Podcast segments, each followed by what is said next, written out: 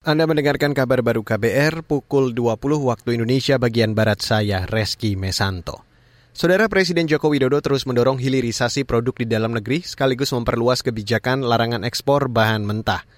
Jokowi juga berencana melarang ekspor biji bauksit pada pertengahan tahun ini. Ia berharap presiden yang menggantikan dirinya kelak tidak gentar melanjutkan kebijakan hilirisasi dan tetap melarang ekspor bahan mentah. Tidak boleh negara mana pun mendikte dan tidak boleh negara-negara maju itu merasa bahwa standar mereka lebih bagus dari standar negara kita.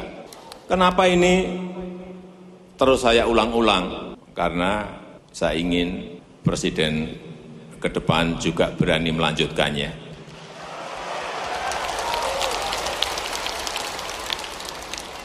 Tidak gampang ciut nyali, tidak gentar, demi kepentingan bangsa, demi kepentingan negara. Presiden Joko Widodo juga meminta jangan sampai Indonesia mengalami era seperti zaman kolonial Belanda 400 tahun lalu yang selalu menjual bahan mentah ke luar negeri. Akibatnya Indonesia tidak pernah mendapat nilai tambah. Jokowi mengatakan ketika Indonesia melarang ekspor nikel beberapa waktu lalu, nilai ekspor nikel Indonesia justru melonjak dari semula 17 triliun rupiah menjadi 326 triliun rupiah. Beralih ke berita selanjutnya, Saudara. Kementerian Keuangan menjelaskan perihal pajak natura yang diatur dalam Undang-Undang tentang Harmonisasi Peraturan Perpajakan.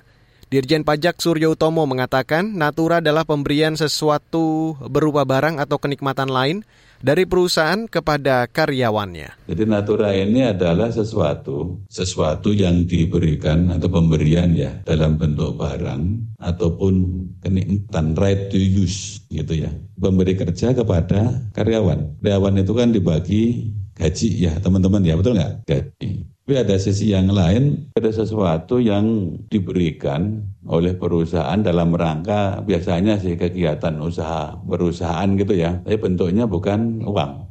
Dirjen Pajak di Kementerian Keuangan Surya Utomo mengatakan Natura merupakan keuntungan tambahan yang diberikan perusahaan kepada karyawan. Dalam Undang-Undang tentang Harmonisasi Peraturan Perpajakan, pajak Natura serupa dengan pajak bertambah nilai atau PPN. Ada beberapa kelompok besar natura yang dikecualikan dari objek pajak penghasilan. Di antaranya makanan atau minuman di tempat kerja bagi seluruh pegawai, pelayanan kesehatan, peralatan dan fasilitas kerja, hingga bingkisan hari raya.